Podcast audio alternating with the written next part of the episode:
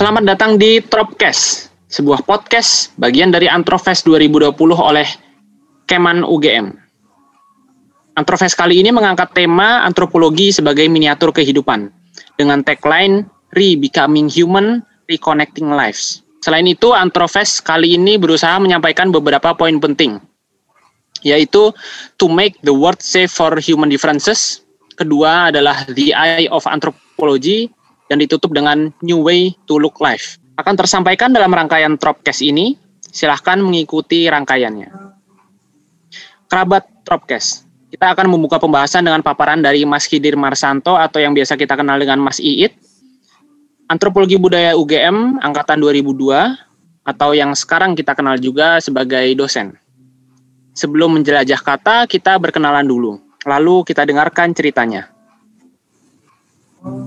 Oke, uh, terima kasih Mas Abi. Halo semua ke apa nih saya bilang kerabat podcast atau apa? Tropcast. Iya, kerabat ya, Tropcast. Ya. Oke, uh, terima kasih buat teman-teman Keman dan saya kira ini menarik acaranya. Uh, perkenalan dulu saya uh, Hidir Marsanto. Uh, ya, teman-teman biasa mengambil memanggil saya Iit gitu.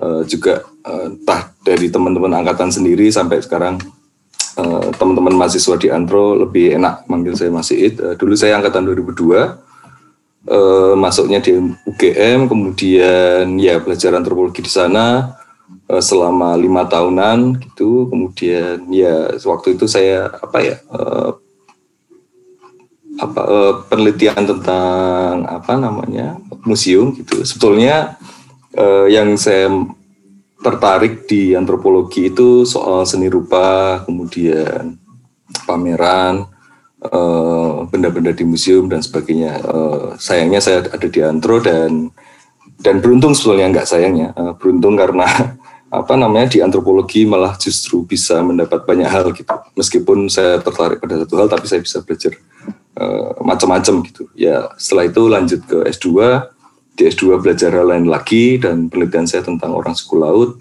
di Kepulauan Riau. Uh, setelah itu uh, ya jadi dosen sampai hari ini sejak tahun 2018. Gitu sih Mas. Apalagi? Berarti kita bisa masuk ke topik ya. Hmm, uh, boleh. Apa ini topiknya? Episode satu. Ya, adalah belajar antropologi tentang memahami manusia. Nah, di sini aku mau tanya, benarkah bisa dibilang begitu, Mas? Uh, belajar antropologi adalah tentang memahami manusia. Kemudian, uh, jika tentang memahami, ini tentang memahami yang bagaimana? Oke, okay, um, iya. Kalau teman-teman pernah baca tulisannya Eric Wolf uh, di buku klasiknya tahun 60-an itu, judulnya Antropologi, buku tipis tapi isinya menarik itu. Uh, Eric Wolf menggambarkan sedikit sebetulnya apa sih antropologi. Gitu dan satu kalimat penting yang menurut saya sering dikutip banyak orang itu dia bilang um, antropologi merupakan the most scientific of the humanities and the most humanist of the sciences gitu. Jadi apa ya uh, disiplin ilmu yang paling manusia atau manusiawi gitu atau humanis gitu dan ya paling humanis di antara ilmu-ilmu pengetahuan yang lain gitu itu um, ya berangkat dari situ apa ya? Ya benar sih uh, benar tujuan belajar antropologi. Salah satunya memahami manusia. Tapi kalau menurut saya atau yang saya alami sendiri uh, tujuan belajar antropologi um, apa ya? Salah satunya membentuk kesadaran kita tentang misalnya um, memahami persamaan dan perbedaan kebudayaan dalam kehidupan manusia gitu.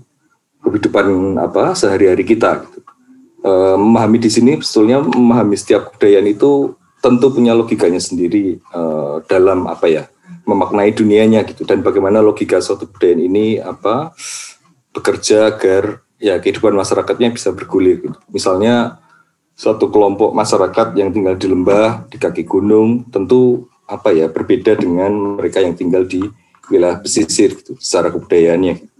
Mereka yang tinggal di kaki gunung misalnya di Eropa Barat dan mereka yang tinggal sama-sama di kaki gunung itu tetapi di Asia Tenggara tentu berbeda gitu. Uh, karena ada faktor iklim tahunan yang berbeda. Misalnya itu contoh sederhananya sih.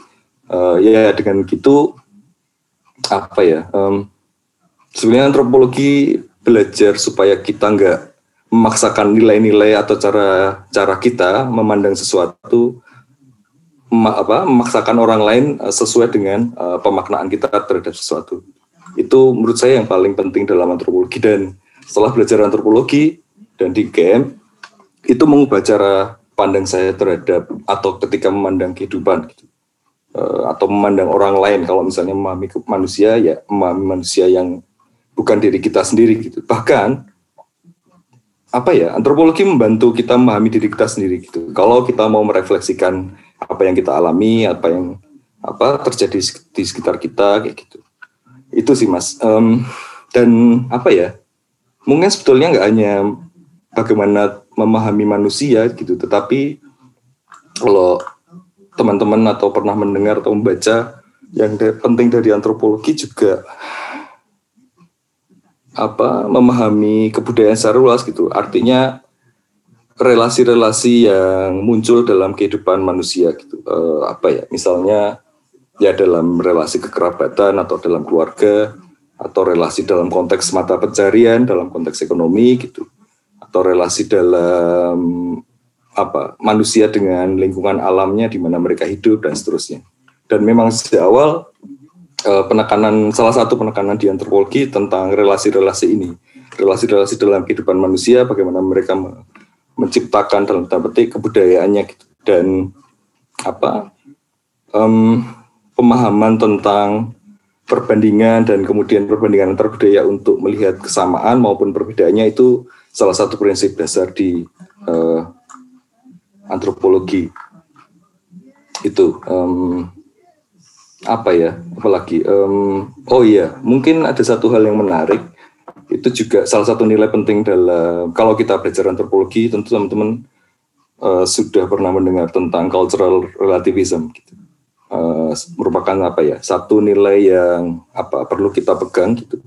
Supaya enggak berbicara kebudayaan siapa yang paling baik atau benar gitu dan enggak mudah menjudge sesuatu menurut ukuran kita gitu. Tetapi um, um, lebih kritis uh, dan mungkin lebih menghargai dengan jalan yaitu tadi memahami logika baik kebudayaan sendiri terutama kebudayaan masyarakat yang berbeda dengan kita gitu. uh, juga ada nilai lain yang lebih penting uh, yang penting salah satunya uh, bahwa dengan mempelajari antropologi kita belajar me, apa ya belajar bagaimana kita menangkap cara pandang orang lain gitu. Itu sih mas paling um, ya. Ya baik. Saya menangkap beberapa poin menarik ya mas It ya. Uh, jadi antropologi itu apa? Luas ya sangat luas. Dari masyarakat lembah kemudian gunung bisa sampai ke pantai kemudian mempelajari relasi antar manusia bahkan relasi manusia dengan alam. Kemudian ada yang menarik juga nih uh, soal relativisme kebudayaan. Uh, ya yeah, apa? Tentang bersikap itu sebenarnya kita beruntung sih sebagai orang Indonesia gitu. Uh, kita punya Pancasila dan semboyan Bhinneka Tunggal Ika. Nah, antropologi kurang lebih mengedepankan tentang kebinekaan itu. Jadi ya meskipun apa namanya lagi-lagi ya ini yang ideal gitu atau secara teoritis uh, idealnya begitu tapi dalam praktiknya sering kali kita kan nggak bisa segampang oke okay, kita nerima perbedaan di sekitar kita tetap aja apa bias uh, nilai-nilai yang kita pegang gitu, yang kita apa pelajari atau kita internalisasi sejak kecil di rumah uh, di lingkungan sekitar kita di mana kita tumbuh dan dibesarkan. Gitu.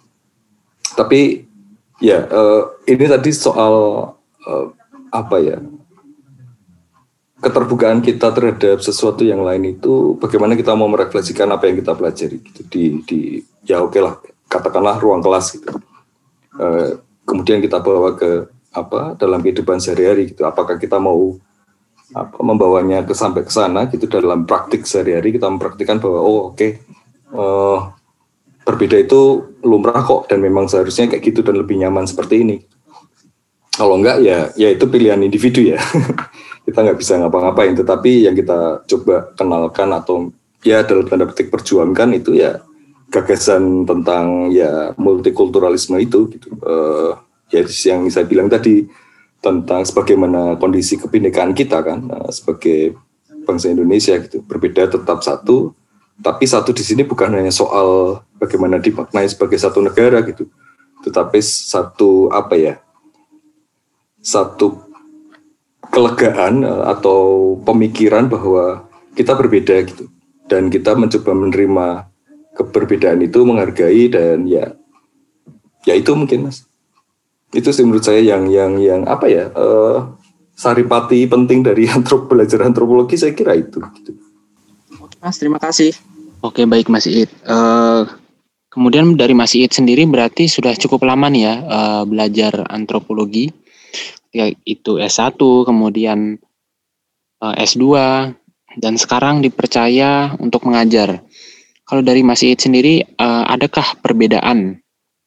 Mungkin kesan dan makna uh, ketika dulu harus belajar antropologi dan sekarang uh, harus mengajar gitu mas. Oke, okay, um, pertanyaannya agak sulit juga. Cuman apa ya? Uh, kalau terlalu lama ya belum terlalu lama karena baru 2002 dan 2002 ketika masuk ya mungkin sama seperti kalian ya nggak menganggap itu penting gitu selain cuman apa namanya kewajiban kuliah tapi di tahun kedua atau masuk tahun ketiga setelah 2004 itu saya merasa antropologi ini oh menarik.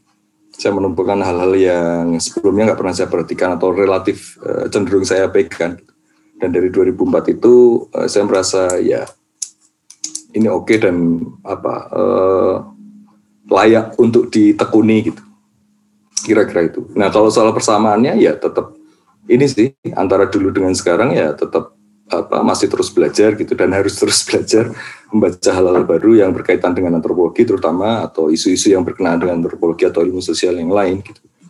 Um, tantangannya sedikit berbeda, cuman ya karena sekarang bekerja dulu belajar gitu dalam tanda petik hanya belajar uh, kewajibannya itu sekarang uh, bekerja juga belajar gitu. Uh, mungkin perbedaannya di situ gitu. Nah, tapi yang paling penting um, karena kewajiban tadi dan mungkin statusnya berubah gitu tentu ada kewajiban tentang transfer knowledge gitu. Jadi apa yang kita kerjakan sekarang eh, atau pernah kita teliti atau sedang kita studi gitu, eh, kita harus menyampaikan atau mencoba apa ya, menjadikan itu bahan untuk apa eh, pembelajaran bagi teman-teman mahasiswa sekarang gitu. Pengalaman sebagai peneliti maupun penulis itu yang saya coba tularkan ke teman-teman gitu uh, lewat kuliah-kuliah maupun apa karya tulis. Itu sih paling perbedaannya. Ya minimal apa ya kalau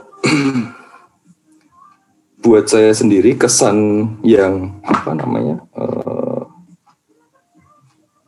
di antropologi entah sebagai mahasiswa dan sekarang sebagai dosen itu saya kira yang yang penting adalah punya privilege untuk terus belajar sih mas karena bisa belajar itu privilege dan dan nggak semua orang punya kesempatan seperti itu. Maksud saya gini, bukan hanya sebagai dosen, tetapi teman-teman sebagai mahasiswa itu uh, punya kesempatan untuk berkarya dan mengekspresikan apa semacam membuat podcast seperti ini gitu. Itu kan privilege dan dengan privilege itu kita itu tadi uh, mencoba mengenalkan antropologi ke orang lain lewat hal-hal yang sederhana aja gitu. Uh, bahwa perbedaan itu penting, bahwa apa namanya kebudayaan uh, berbagai macam kebudayaan itu bisa apa namanya hidup bersama gitu tanpa ada konflik yang yang yang apa bisa apa terlalu destruktif dan sebagainya. Nah, saya kira apa ya um, di setiap level uh, sebagai pembelajar antropologi dan itu termasuk saya sendiri itu saya kira itu penting untuk di di apa um, dilakukan gitu. Dan terima kasih juga ini podcast menarik gitu. Uh, saya kira salah satu media yang baik untuk apa berdiskusi atau atau apa mendialogkan ini dengan khalayak yang lebih luas gitu. Selain lewat tulisan. Saya kira apa dialog seperti ini penting. Itu sih Mas kalau menurut saya kesannya. Baik Mas. Uh, kemudian uh, tadi saya juga mendengar beberapa hal menarik. Oke, ini menarik nih ada uh, strong word menurut saya. Uh, seperti tadi Mas Yid bilang Eh, bahwa setelah belajar kemudian ada tugas untuk mengajar antropologi, tetapi kita tidak boleh berhenti belajar. Belajar itu sudah dimaknai berarti kita dalam ruang kelas ya, e, di mana pun dan kapan pun dan ya dengan membaca, dengan berinteraksi dengan orang lain, dengan cara apa pun gitu, entah jalurnya akademik e, ataupun non akademik, e, ketika nilai-nilai itu dipegang teguh dan apa menularkan semangat belajar ini dengan apa intensif gitu ya meskipun perlahan-lahan saya kira itu udah cukup um, maksudnya banyak banyak cara untuk um, menularkan spirit ke antropologian dalam tanda petik itu sih tambahannya okay. Uh, setelah ini saya mau tanya nih mas uh, dari tadi kita uh, berbicara soal belajar kemudian memahami manusia nah menurut mas mhm. Iit uh, apa tahap setelah belajar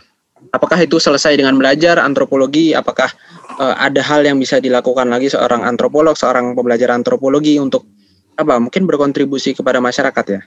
Tadi masih bilang soal tulisan, hmm. mungkin ada hal lainnya. Hmm. Kontribusinya banyak sih dan di berbagai segi. Maksudnya nggak hanya selalu berkenaan dengan masyarakat gitu tapi bisa berangkat dari relasi yang paling simpel gitu misalnya antara kita dengan saudara-saudara kita serumah gitu, di rumah gitu. atau dengan misalnya kamu udah punya anak ya dengan anakmu gitu um, itu apa ya ya mungkin ini agak normatif tapi itu yang saya lakukan gitu bahwa apa ya kita melihat dunia menjadi menjadi berbeda karena berpegang pada tentang apa namanya relativisme budaya tadi uh, satu hal, kemudian hal-hal lain yang mungkin relevan untuk uh, kita gitu.